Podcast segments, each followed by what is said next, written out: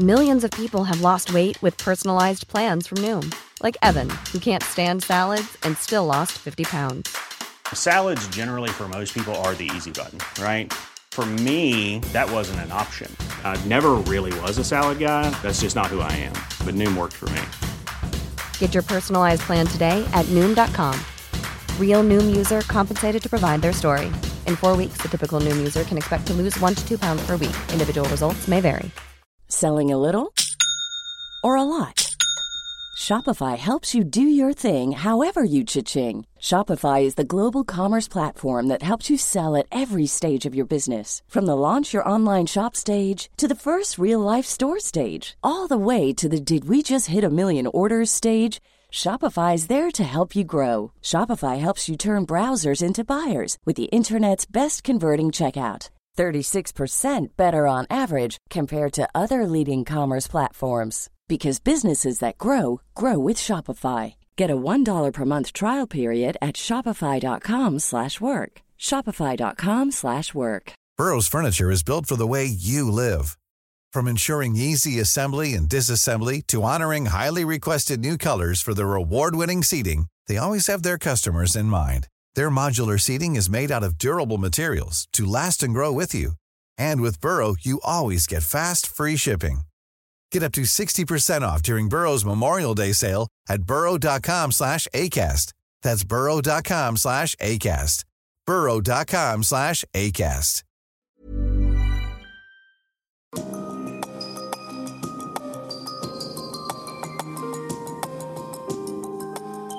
Du lytter til podkast fra Oslo Militære Samfunn.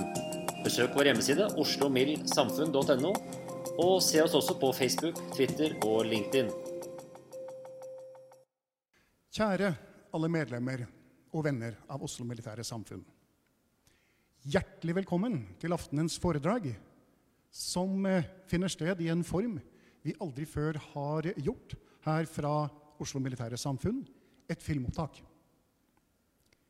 Jeg befinner meg i Store festsal, det stedet som våre medlemmer så gjerne skulle ha vært hver mandag i eh, semestrene våre, men hvor vi ikke kan møtes inntil koronarestriksjonene er opphevet. Jeg må bare si fra direksjonen at eh, vi savner dere, alle medlemmer. Det er dere vi er til for. Det er dere vi lager semesterprogrammene for. Men eh, enten må vi overføre i form av film, eller vi må utsette programmene våre inntil vi får lov til å møtes i festsalen vår igjen. Vi ser veldig frem til dette. Følg med på hjemmesidene våre. Forandringer i programmet kan påregnes, og det er der du vil se endringene. I eh, dag har vi eh, vært så heldige å få besøk av professor Espen Hammer fra Temple University, Philadelphia. Han har nettopp utgitt en bok, en kritikerrost bok. 'USA en supermakt i krise' er temaet. Vi er eh, mange som er sjokkert og i villrede over det vi ser skje i USA nå. Etterkrigstidens eh, sikkerhetspolitiske og ideologiske fundament for Vesten ser ut til å rystes. Eh, vi er mange som stiller oss spørsmålet hvor dypt stikker dette? Hva vil skje nå? Hva bygger dette på? Professor Hammer har studert dette på nært hold i lang tid, og vi er spent på å høre hans tanker rundt dette. Professor, talerstolen er din. Tusen takk skal du ha. Og takk for denne veldig hyggelige invitasjonen til å komme her i dag og snakke i Oslo Militære Samfunn. Bildene fra stormingen av den amerikanske kongressbygningen den 6. januar har sjokkert en hel verden. Demonstranter og aktivister fra en rekke forskjellige miljøer på den ytterste høyrefløyen i amerikansk samfunnsliv kom sammen og angrep Capitol Hill, det helligste av det hellige i amerikansk politikk, i den hensikt å forhindre at Joe Biden skulle kunne bli ratifisert av Kongressen som landets neste president. En kan diskutere om det teknisk sett kvalifiserte som et kuppforsøk. Selv om den til en viss grad var bevæpnet, hadde ikke mobben noen direkte forbindelse til eller støtte fra militære styrker, slik vi gjerne forbinder med et kupp. Organiseringen av denne gruppen var i praksis ganske diffus og ikke i noen stor grad utført av en hard kjerne av ekstreme fanatikere, slik virkelige kupp ofte er. Likevel lignet det svært på et ekte kuppforsøk. Trump hadde lenge benektet valgresultatet fra 3.11.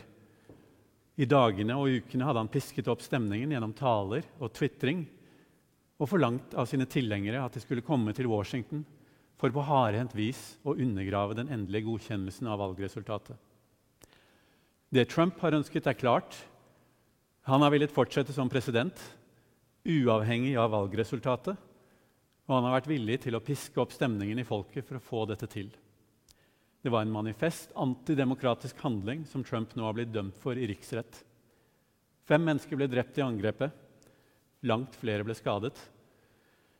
Det kunne lett ha gått langt verre. Sentrale politikere som Mike Pence og Nancy Pelosi kunne ha blitt drept foran kameraene. Det kunne ha blitt en omfattende gisseltagning som ville ha involvert eliten i amerikansk politikk, fremfor alt fra Det demokratiske partiet. Alt dette fant sted med Donald Trump som ivrig og betatt tilskuer i Det hvite hus. Hvordan kunne noe slikt skje? Hva slags fenomen er dette? Hva har skjedd med USA? Etter akkurat å ha publisert en bok om de nye sosiale og politiske konfliktlinjene i USA, er dette et spørsmål som i de siste dagene har blitt stilt meg ganske ofte. Og jeg stiller det til meg selv uavlatelig.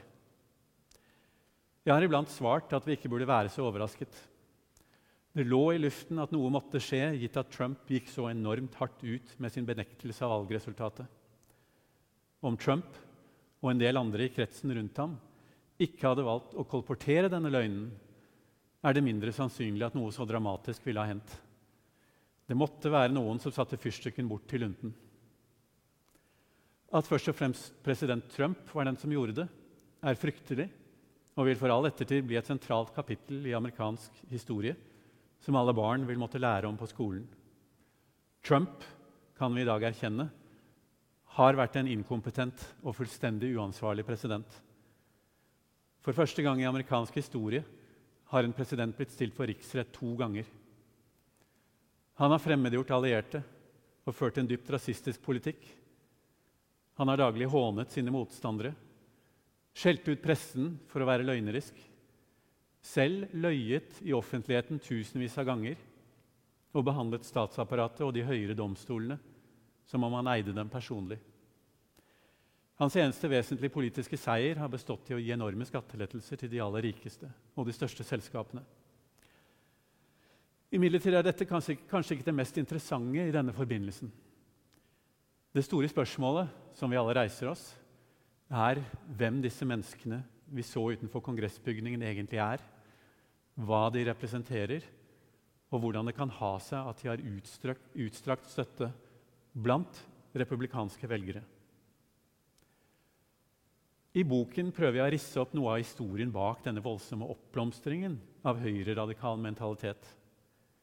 Straks man begynner å trekke linjer i amerikansk historie, finner man mye som foregriper det som har hendt. Det har gjennom det he hele det 20. århundret eksistert rasistiske, sterkt antidemokratiske og voldsforherligende grupper i det amerikanske samfunn. Kanskje det mest kjente eksempelet er Ku Klux Klan, som har samlet hvite suprematister fra alle samfunnslag, og som nøt forbausende stor samfunnsanerkjennelse helt opp til en annen verdenskrig, og faktisk etter det. Allerede i perioden omkring borgerkrigen i 1860-årene eksisterte det en sterk motsetning i det amerikanske samfunnet. På skolen lærer vi at denne motsetningen først og fremst dreiet seg om en konflikt mellom de som var for, og de som var mot slaveriet. Sørstatenes Confederacy ville ut av unionen for å sikre fortsatt menneskehandel og slaveri. Imidlertid dreide borgerkrigen seg om mer enn det. Det var en konflikt mellom mentaliteter og mellom grunnleggende forestillinger om hvordan et menneskeliv bør leves. Mens sørstatene representerte en partikularistisk og kommunitaristisk jordbrukskultur, skeptisk til Washington og skeptisk til den borgerlige og industrielle kapitalismen i nord, og med en intens følelse av at den hvite mann var skapt av Gud til å styre, var nordstatene individualistiske og rasjonalistisk orientert. samt vennlig stemt overfor det urbane livet i et kapitalistisk og industrielt samfunn. Sørstatene hadde sine myter og legender, sine sterke menn og sin emosjonelle og narrative kultur. Man aksepterte en stor grad av undertrykkelse og vold bl.a. fordi man oppfattet det som naturlig, og som et uttrykk for naturlige forskjeller mellom hvit og svart, mellom mann og kvinne og mellom voksne og barn. Nordstatene på sin side hadde sine individuelle rettigheter, sin forventning om likhet for loven og sin sterke tro på det representative og liberale demokratiet. Selv om den formelle avviklingen av slaveriet utfordret denne motsetningen, varte den ved til langt inn i det 20. århundre, gjennom Jim Crow-perioden og segregeringen i sør, og kanskje helt til i dag. En annen stasjon man må stoppe ved for å kaste lys over 6. januar, er utvilsomt 80-årene, som med sin nyliberale politikk under Reagan omkalfatret mye av det økonomiske og sosiale systemet i USA. Slik jeg forsøker å beskrive det i boken, skapte nyliberalismen med sine skattelettelser og deregulering av finansmarkeder grobunn for vekst i økonomien etter et tiår med stagnasjon. Ikke minst kombinert med enorme keynesianske investeringer i Forsvaret virket Reagans medisin godt. Selv om det skal sies at han, i likhet med så mange republikanske presidenter i moderne tid, bidro til en betydelig økning av USAs statsgjeld. Samtidig svekket eller eliminerte den mange av de, av de sikkerhetsnettene som møysommelig hadde vært oppbygd i den progressive epoken i amerikansk etterkrigshistorie, dvs. Si i de to tiårene etter krigen. Siden 80- og 90-tallet har, som Thomas Seltzer viste i sin dokumentarserie Uksa på NRK, grunnleggende spørsmål som hvordan barna i familien skal ta utdannelse, hvordan man skal få seg et rimelig godt helsetilbud og en brukbar pensjon, for ikke å snakke om rett til ferie eller permisjon om det trengs, eller i det hele tatt mat på bordet, trengt seg frem som helt sentrale spørsmål i en typisk amerikansk arbeider- eller til og med middelklassefamilie. Med den tyske sosiologen Ulrik Beck kaller jeg dette risikosamfunnet. Det er et samfunn der den enkelte i stor grad står alene. Og alene må bære ansvaret for alle sine valg og disposisjoner. Og der sikkerhetsnettene er svake eller ikke-eksisterende. Faller du utenfor i USA, enten det er pga. arbeidsledighet, sykdom, uventede utgifter, manglende utdannelse, opioider, rasisme eller hva det måtte være, er sjansene store for at du vil måtte forbli utenfor i all overskuelig fremtid. Det er for mange vanskelig å planlegge fremtiden. Vanskelig å ta opp lån, gitt de mange korttidskontraktene folk jobber under. Vanskelig å få barn og gi dem oppvekst og de muligheter tidligere generasjoner har hatt. USA er blitt et kastesamfunn. Kommer du fra et hjem med penger, eller har penger, klarer du deg fint, og USA har veldig mye å by på. Gjør du det ikke, har du svært få muligheter. Det er faktisk ikke så rart at mange er forbannet. Problemet er at raseriet og sinnet ikke i noen særlig grad retter seg mot det systemet som har skapt de store forskjellene. Opprørerne den 6. januar ba ikke om noen sosialdemokratisk velferdsstat. De hater det demokratiske partiet med all, alle sine fine ord om like muligheter, entreprenørskap, mangfold og internasjonalisme. De innser at demokratene for lengst har sviktet dem, og at de fellesskapene som en gang eksisterte, gjerne knyttet til industrier som stål og kull, aldri vil komme tilbake igjen. De forlanger å bevæpnes som uttrykk for selvstendighet, makt og politikerforakt. De hater svarte og andre minoriteter, som de ser på som trusler mot deres egen livsform. Den tredje stasjonen på denne veien mot 6. januar, slik jeg ser det, er bankkrisen i 2008 og den påfølgende langvarige resesjonen som falt sammen med Obamas tiltredelse. Bankkrisen gjorde at mer enn 10 millioner amerikanere måtte gå fra sine overbelånte hjem Den skapte høy og vedvarende arbeidsledighet, ikke minst blant industriarbeidere. Det amerikanske arbeidsmarkedet fortsatte sin gang mot usikkerhet i form av korttidskontrakter, stagnerende lønninger og lav grad av fagforeningsinnflytelse. Mange fra familier med stabile jobber så seg konfrontert med et arbeidsmarked der, hvis man i det hele tatt finner noe, en heltidsjobb ikke alltid er nok til å brødfø selv en selv, for ikke å snakke om en hel familie. Mens et lite sjikt av 2-3% av befolkningen økte sin formue og seilte fra, ble svært mange stående utenfor. Utdannelsesmessig, helsemessig, inntektsmessig og når det gjelder sosial og politisk innflytelse. Et spørsmål som har blitt stilt gjentatte ganger i Trump-perioden, er hva slags bevegelse dette dreier seg om ideologisk. Veldig kort kan man si at det republikanske partiet i dag, som historikeren Timothy Snyder påpeker, er splittet i to hovedgrupper og med to ledere. Gjennom storparten av det 20. århundre var det republikanske partiet et konservativt, men samtidig næringsvennlig, internasjonalistisk og kompromissvennlig folkeparti. I dag er dette et mer eller mindre fullstendig forlatt. På den ene siden har man Mitch McConnell, lederen av Senatet, som styrer en ving av partiet som må betegnes som sterkt maktorientert og machiavelliansk. Denne vingen fremmer i stor grad interessene til store konserner, ikke minst innen olje og kull.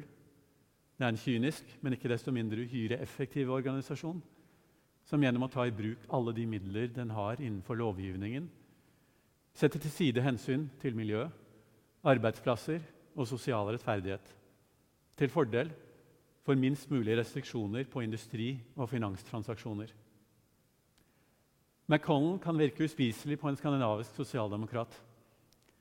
Dog ønsker han og de interessene han representerer, ingen radikal forandring av hele systemet. På den annen side har man Trumps ving av det republikanske partiet. Som selv om den stemmer pro-business i Kongressen og har hatt en sterkt pro-business finansminister i Steve Mnuchin, i en viss forstand har vært revolusjonær. Trump og Trumps tilhengere er bare i svært begrenset grad opptatt av å bevare det amerikanske demokratiet og de, uavhengige domstolene. Det de egentlig har ønsket, er en form for høyreorientert revolusjon der en autoritær orden trer inn i stedet for det liberale demokratiet. Som populister har deres drøm vært at folket, fortrinnsvis det hvite folk, den hvite mann i en patriarkalsk virkelighet, skal finne tilbake til seg selv og konstituere seg selv som en aktiv politisk form. Derav MAGA, Make America Great Again. Å være en del av dette, slik vi har sett i forbindelse med Trumps demagogiske folkemøter, kan opplagt gi den enkelte en sterk følelse av tilhørighet og mening. Det er politikk som kompensatorisk, berusende fellesskap. Og gjennom sosiale medier appelleres det til følelser og ikke fornuft. Motforestillinger er ikke uttrykk for vilje til dialog. Det er ganske enkelt noe man bekjemper, om nødvendig med vold.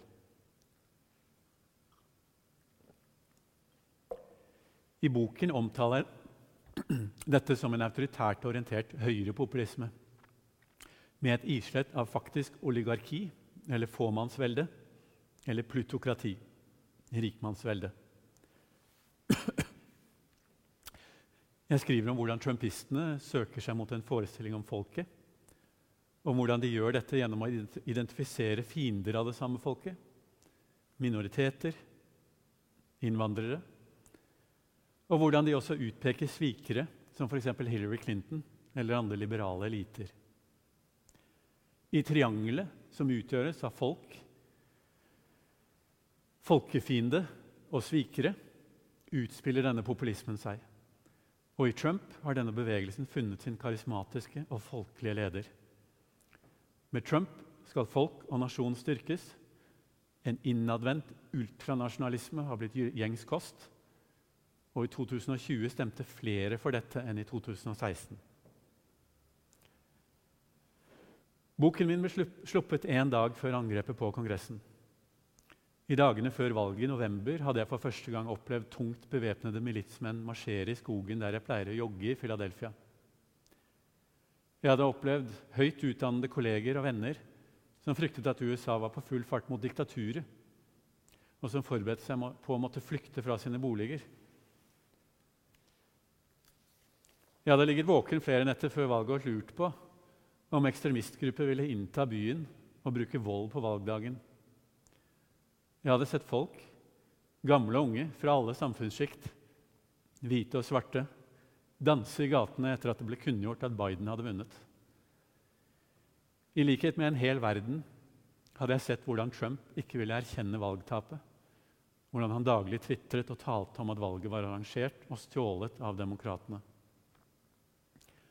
Så kom 6. januar, og jeg spør meg om ikke vurderingen av denne bevegelsen må forandres. I boken er jeg nølende med å bruke fascismeetiketten.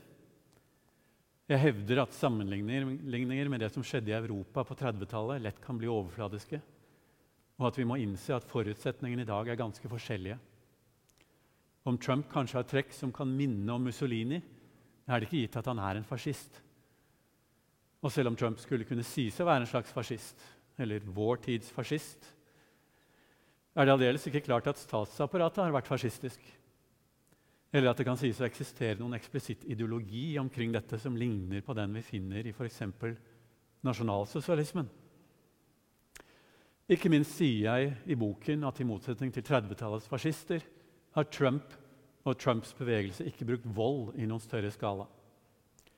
De har kanskje ført en politikk som har virket undertrykkende på en del minoriteter, men med unntak av den ytterst grusomme og menneskefiendtlige behandlingen av latinamerikanske immigranter på grensen til Mexico, hvor barn har blitt tatt fra sine foreldre og satt i bur, ikke fremført noe forsett om å sette sine fiender i konsentrasjonsleire eller drepe dem. Etter 6. januar er jeg mer i tvil. Bevegelsen har nå vist et sant revolusjonært ansikt. Den har vist seg villig til å bruke vold. Dens antidemokratiske forpliktelser har kommet helt opp i dagen. Folk og fører har stått samlet mot det de ser på som et løgnaktig og bedragerisk system. Det kan i denne forbindelse være verdt å stoppe opp et øyeblikk for å spørre oss selv om hva fascisme egentlig er. I korte trekk er det en ideologi som gjennom voldelige og antidemokratiske metoder søker å gjenopprette det som oppfattes som et tapt folkelig hegemoni. Fascisten lever i en verden av strid, der verdi kun skapes gjennom å identifisere seg med og om nødvendig ofre seg for det kollektivet man mener å tilhøre. Her er i korte trekk noen av de slik jeg ser det, mest opplagte kjennetegnene på fascisme. En nostalgisk fantasi om en enhetlig etnisk eller rasemessig fortid. Et sterkt negativt syn på det liberale, pluralistiske samfunn. En oppfattelse av vold og om nødvendig krig som noe legitimt, nødvendig, rensende og storhetsfrembringende.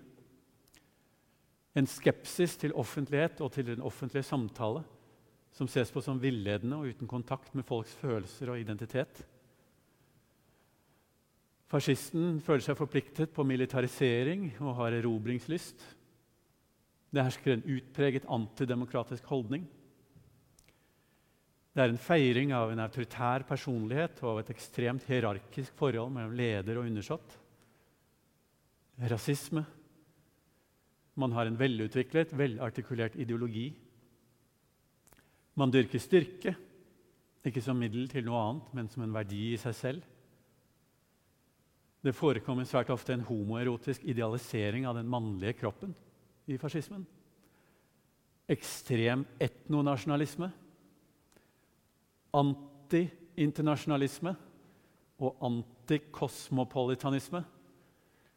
Fascismen er antiakademisk, antivitenskapelig og antirasjonalistisk. Den har en sterk appell til myter som forteller om tidligere tiders bedrifter og storhet. Den oppviser en sterk motstand mot likhet mellom kjønnene.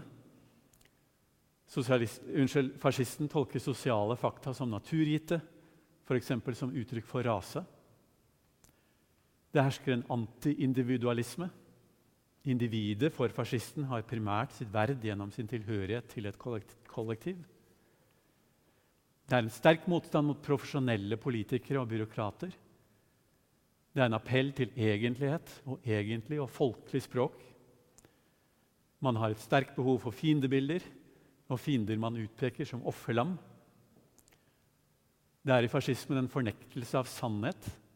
Språket er et makt- og overtalelsesmiddel, ikke et middel til å uttrykke hva som faktisk er tilfellet. Førerkultus, forestillingen om samfunnet som en organisme og ikke som et system av rasjonelle eller rettslige forbindelser mellom enkeltstående individer. Følelsene forstås som rettledende, ikke fornuften. Det er en sterk antielitisme. Eliten oppfattes som svikere.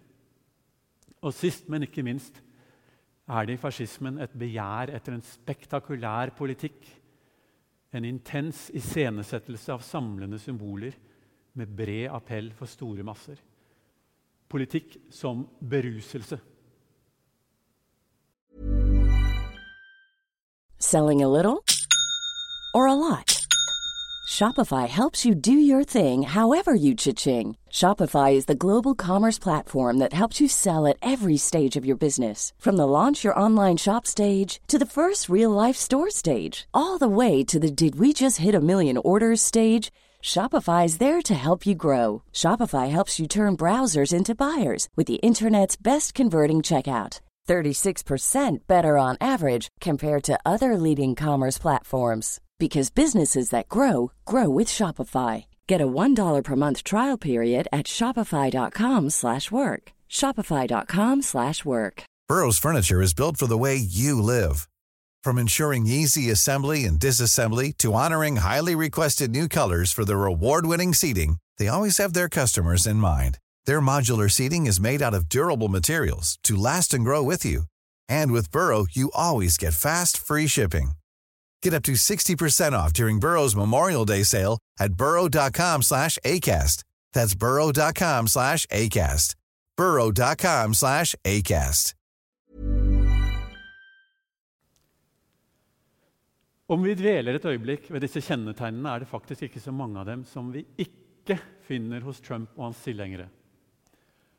Ok, Homoerotisk idealisering av den mannlige kroppen finner vi kanskje ikke selv om mannsfellesskapet og kroppskulturen i de mange militsgruppene unektelig er ganske påfallende. Militarisering og erobringslyst har ikke stått sentralt i Trumps etnonasjonalistiske tankegang. Heller ikke har trumpismen vært særlig ideologisk orientert. Men det gjelder for så vidt enhver politisk orientering i dag. Ellers er alt tilsynelatende på plass. Man kan selvfølgelig diskutere disse kjennetegnene. Og det vil alltid være uenighet om nøyaktig hvordan man skal gi en omfattende definisjon av fascisme. Noen, som f.eks. Cambridge-historikeren Richard Evans, insisterer på at uten militarisering og erobringslyst går det ikke an å snakke om fascisme. Her har jeg kun forsøkt å gi en indikasjon på hvordan en slik definisjon eller teori kunne se ut. Poenget er at jeg nå innser at det vi sto overfor den 6. januar, var en fascistisk masse, ledet av en fascistisk førerpresident.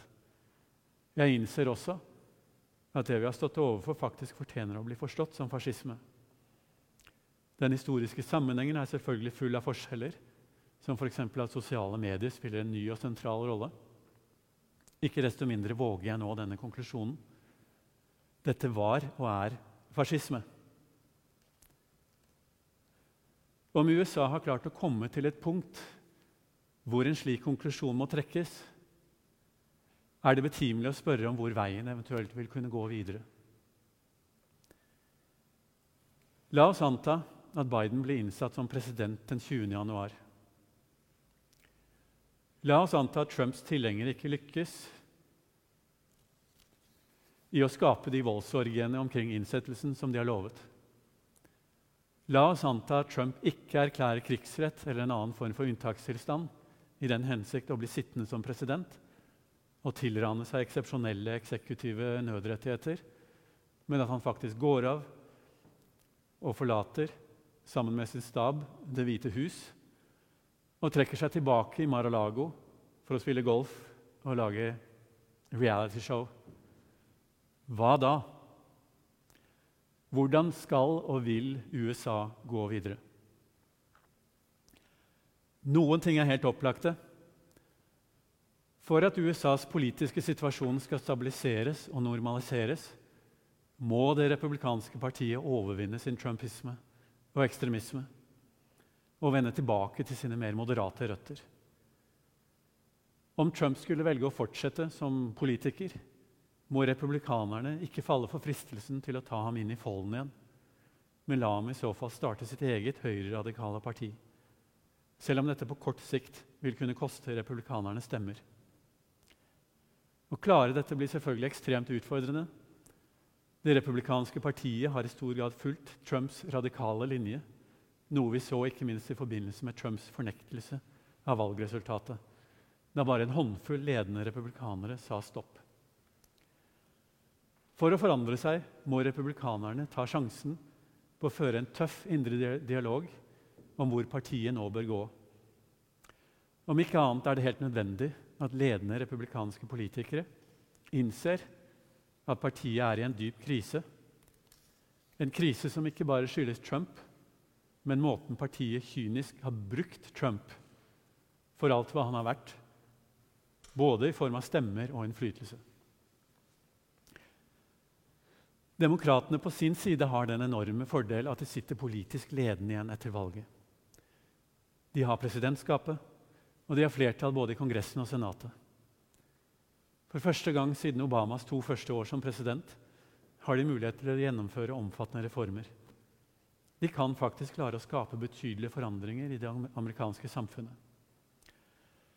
Imidlertid er dette partiet også preget av store spenninger og ideologiske motsetninger. Dette blir ikke noen enkel seilas. Biden og Det demokratiske partiets lederskap vil på den ene siden måtte føre en politikk som ikke virker altfor provoserende på de mange velgerne som har beveget seg mot høyre i det politiske landskapet. Om de skal klare å hente inn igjen noen av de mange rasende og skuffede arbeiderklassevelgerne som opplever at de har sviktet dem, må de antagelig gi dem noe i form av symbolsaker. En Biden som går knallhardt ut mot retten til å bære våpen, f.eks., vil kunne risikere å fortsette å fremmedgjøre store velgergrupper som heller mot høyre. På den annen side må Biden unngå å provosere sine mer venstreorienterte velgere for mye. Mange av disse er unge og sterkt engasjerte. Fordi dette valget handlet så mye om Trump og om hvordan man skulle unngå en ny periode med ham, stilte de opp. Om Biden kjører partiet mot høyre, vil mange av dem ikke stille opp neste gang. En del left liberals spekulerer på en, om ikke en mer helhjertet progressiv politikk, en slags New Deal-politikk, gjennom sine resultater faktisk ville kunne overbevise det nye høyreorienterte sjiktet om at demokratenes politikk er best.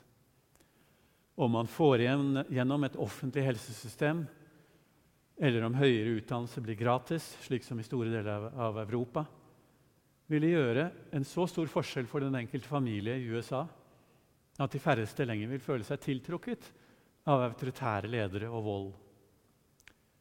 Jeg tror til en viss grad på dette, men jeg er slett ikke sikker. Grunnen til at jeg ikke er sikker, er at det amerikanske systemet etter all sannsynlighet vil fortsette å preges av dysfunksjon. Det er ikke rimelig å tro at de enorme forskjellene mellom fattig og rik vil forsvinne eller sågar svekkes, selv om Biden bestemmer seg for å føre en progressiv sosialpolitikk. Det er heller ikke rimelig å tro at de sterke motsetningene mellom demokrater og republikanere, som har gjort det så vanskelig å føre en effektiv og konsensusorientert politikk med stor legitimitet, vil svekkes så lett. Når landet har blitt brakt på randen av en ny borgerkrig, og de politiske kulturforskjellene er så enorme, er det vanskelig å se hvordan demokratiet selv vil kunne klare seg. Et avgjørende problem i den forbindelse som jeg diskuterer i boken, er den enorme rollen som penger spiller i politikken. Vi har gjerne et bilde av en ansvarlig lovgiver i et folkevalgt organ som den amerikanske kongressen. Vi tenker oss at dette er en person som med betydelig integritet og med et demokratisk sinnelag er med på å forme et samfunn i lys av en mer eller mindre velartikulert konsepsjon om hva som kan tenkes å gagne dets felles interesser. En person i et slikt organ lar ethvert hensyn til særinteresser bero og utelukkende lar seg lede av hva som kan oppfattes som rettferdig, riktig eller godt for samfunnet som helhet. Virkeligheten er dessverre en helt annen. Et kongressmedlem er i en stor grad en forretningsadvokat som lydig gjengjelder de tjenestene som store selskaper og andre interessegrupper stiller til rådighet for at de skal vinne et valg. Gitt de enorme kostnadene forbundet med å føre en effektiv valgkamp, er det så godt som umulig å bli innvalgt uten enorm finansiell støtte. Og takket være Citizens United, en konservativ høyesteretts beryktede beslutning fra 2010, som betrakter penger som frie ytringer, kan det ikke legges noen restriksjoner eller begrensninger på hva en politiker mottar av donasjoner. I 2016 kostet det nær innpå 200 millioner kroner å vinne et sete i Senatet. En seier i et kongressvalg koster omkring 20 millioner kroner. På en eller annen måte må dette forandres. Men siden en forandring sannsynligvis vil kreve et høyesterettsvedtak, og siden Høyesterett etter Trumps tre utnevnelser, utnevnelser nå heller sterkt mot Høyre, er det usannsynlig at noe vil bli gjort. Om det formelle demokratiet har gjennomgått en delegitimeringsprosess, ikke minst pga. pengenes dominans i politikken, står Det demokratiske partiet overfor en spesiell utfordring som har å gjøre med det mer substansielle, deltakende demokratiet. Som jeg beskriver i boken, har Det demokratiske partiet forvandlet seg betydelig gjennom de siste 50 år. Fra å ha vært et progressivt folkeparti som appellerte til omfattende fellesinteresser knyttet til sosial velferd, utdanning og helse, har Det demokratiske partiet med sin vektlegging av meritokrati og individualisme for lengst blitt et nyliberalt parti for de utdannede elitene. I tillegg til dette har Det demokratiske partiet orientert seg sterkt i retning av såkalt identitetspolitikk. Identitetspolitikk kan være vel og bra. Anerkjennelse og fremhevelse av utsatte identiteter har vært en selvskreven del av progressiv politikk siden borgerrettighetsbevegelsen. Men når det blir så sentralt som det er i dag, mister man av syne de store befolkningsgruppene, som i en viss forstand burde være grunnstammen i et slikt parti. Det demokratiske partiet trenger å snakke mer om felles målsettinger. Det trenger å bli mer inkluderende. Men symbolet for det gamle demokratiske partiet før 80-tallet var håndtrykket, ble et viktig symbol i det nye demokratiske partiet, The New Democrats, regnbuen, idealet om de mange sidestilte kulturene uten noe til felles. Som Columbia-professoren Mark Lilla har hevdet, makter ikke identitetspolitikken å vise noen vei utover risikosamfunnet. Om risikosamfunnet frembrakte sin egen høyrepopulistiske reaksjon, burde man forvente at et venstreorienterte motstandere har et skikkelig alternativ. Dessverre oppviser identitetspolitikken et syn på samfunnet som er beslektet med det som nyliberalismen har tatt for gitt, nemlig at det vil virke ekskluderende å tenke om oss selv som tilhørende et helhetlig samfunn. Det demokratiske partiet må gjenfinne kontakten med den amerikanske arbeiderklassen. Noe av det fatale ved valget i 2016 var nettopp at Trump i langt sterkere grad enn Clinton lyktes i å fange opp slike velgere. En progressiv demokrat bør tale disse velgernes sak og gi dem et håp. Om dette ikke skjer, er det vanskelig å forestille seg at den fascistiske trumpismen ikke i en eller annen form vil vende tilbake. Det må oppstå en fornyet bevissthet om viktigheten av en universalistisk politikk som gjennom en bred folkelig konsensus kan understøtte og presse gjennom sosiale forandringer som monner. Dette må være en inkluderende politikk, en politikk som identifiserer interesser som en rekke større grupper har til felles. Og for at en slik politikk skal bli mulig, må enkeltindivider søke å forene seg i solidaritet med andre individer i samme båt. Det må skapes det den amerikanske filosofen Richard Bernstein kaller et radikalt demokrati. Et deltakende, inkluderende demokrati preget av respekt, solidaritet og en tro på betydningen av sosiale reformer.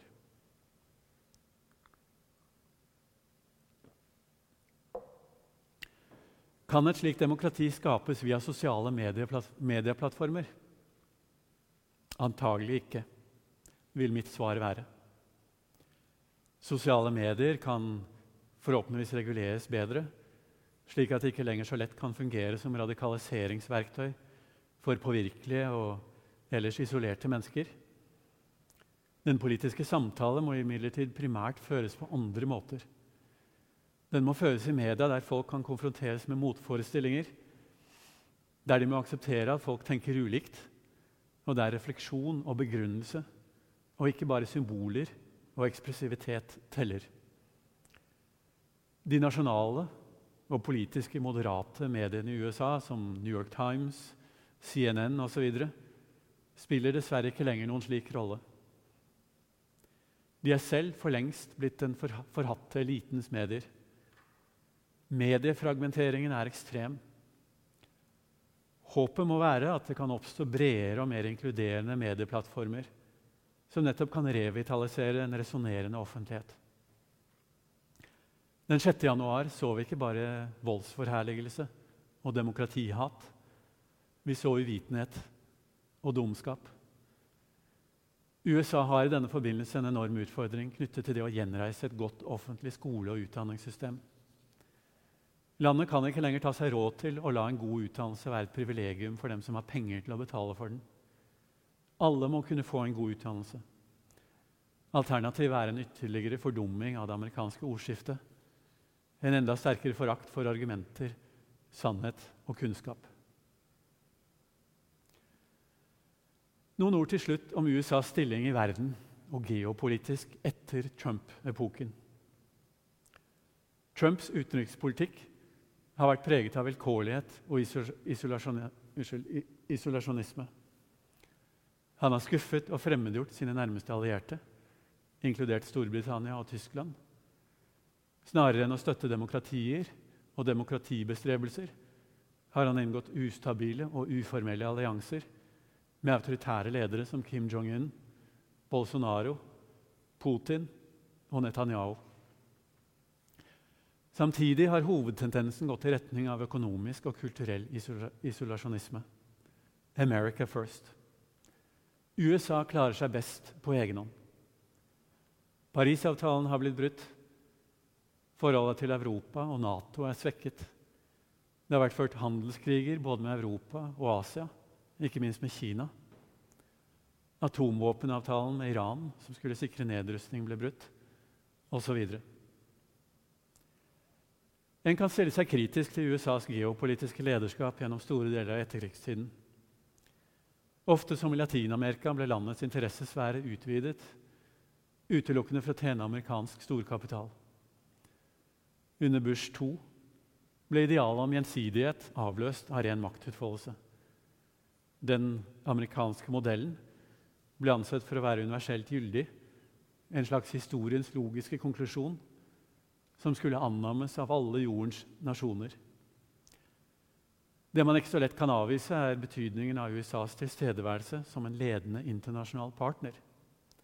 Å la Kina få en monopolstilling som verdens dominerende supermakt ville innebære en omkalfatring av hele den globale ordenen. Og gitt Kinas ekspansjonsvilje true verdensfreden. Med USA som aktivt involvert i gjensidig forpliktende avtaler med sine venner og allierte, og som en ledende nasjon, vil den prekære balansen mellom stormaktene kunne videreføres. Det er rimelig å tro at Bidens administrasjon vil gjenoppta mange av de internasjonale relasjonene som ble brutt under Trump.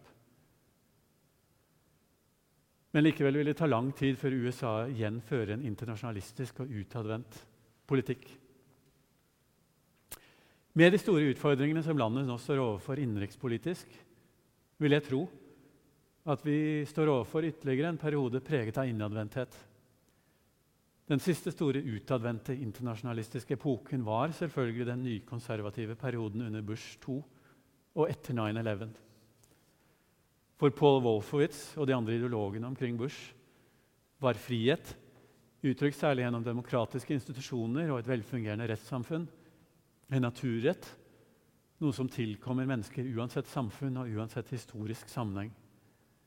Følgelig ble, ble krigene i Midtøsten sett på ikke bare som straffeekspedisjoner etter 9-11 eller ressurskriger, men som aksjoner i menneskehetens tjeneste. En slik idealisme, hvor feilslått den ville være i manges, manges øyne, ville være utenkelig i dag. Utenrikspolitisk er USA i dag en skadeskutt nasjon etter de langvarige krigene i Irak og Afghanistan. Tapene har vært for store. Gevinstene har vært for kortvarige og tvilsomme. Håpet om en dannelse av vestlig orienterte og sekulære demokratier viste seg å være fullstendig naivt i lys av hvordan fundamentalistiske og sekteriske grupper som Taliban og IS fikk dominere i maktvakuumene som oppsto etter invasjonene. Mange veteraner fra disse krigene har vendt hjem uten å forstå poenget med hva de har vært med på. Jeg har selv hatt noen av dem som studenter, og de har ikke hatt det lett. Den aller største og viktigste utfordringen med henblikk på internasjonalt samarbeid i dag er antagelig knyttet til klimakrisen. USA vil om noen dager på nytt akseptere klimaavtalen fra Paris som bindende. Men i hvilken grad vil det slå inn på en mer grønn linje i politikken? Biden har gitt klare signaler om at han tar klimakrisen på alvor. Det er opplagt enormt mye å ta fatt på i et land der ressursbruken har vært ukritisk knyttet til olje, kull og gass.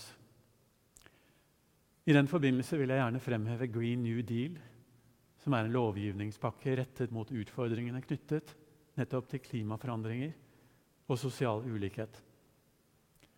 Tanken er at gjennom en tiårig mobilisering innen disse viktige feltene vil USA kunne opptre som ledende på klimafeltet, samtidig som de destruktive konsekvensene av økonomisk urettferdighet vil kunne svekkes til fordel for oppbygging av en mer velfungerende velferdsstat.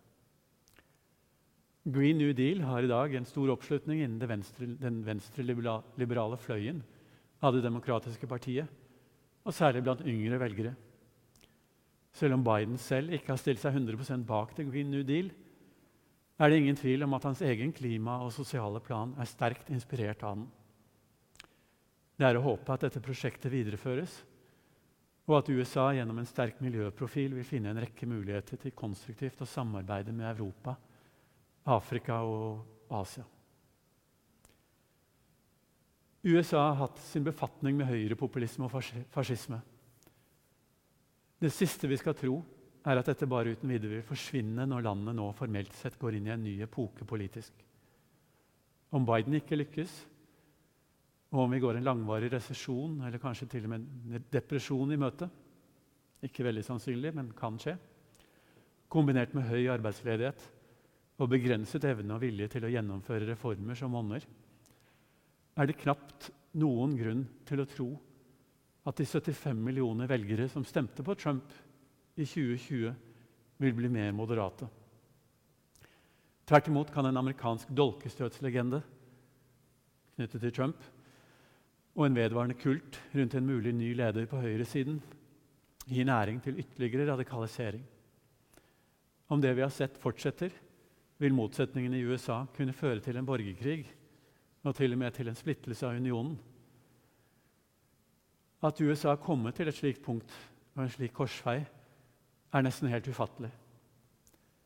Det det viser, om ikke annet, er at demokratiet og rettssamfunnet alltid vil være skjørt, og at det å forsvare disse verdiene, som vi så ofte tar for gitt, er noe av det viktigste vi kan gjøre som samfunnsborgere.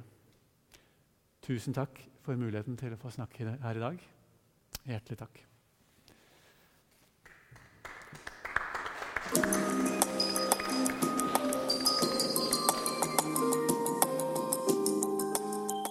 Du har hørt podkast fra Oslo Militære Samfunn. Besøk vår hjemmeside oslomildsamfunn.no, og besøk oss gjerne på sosiale medier som Facebook, Twitter og LinkedIn.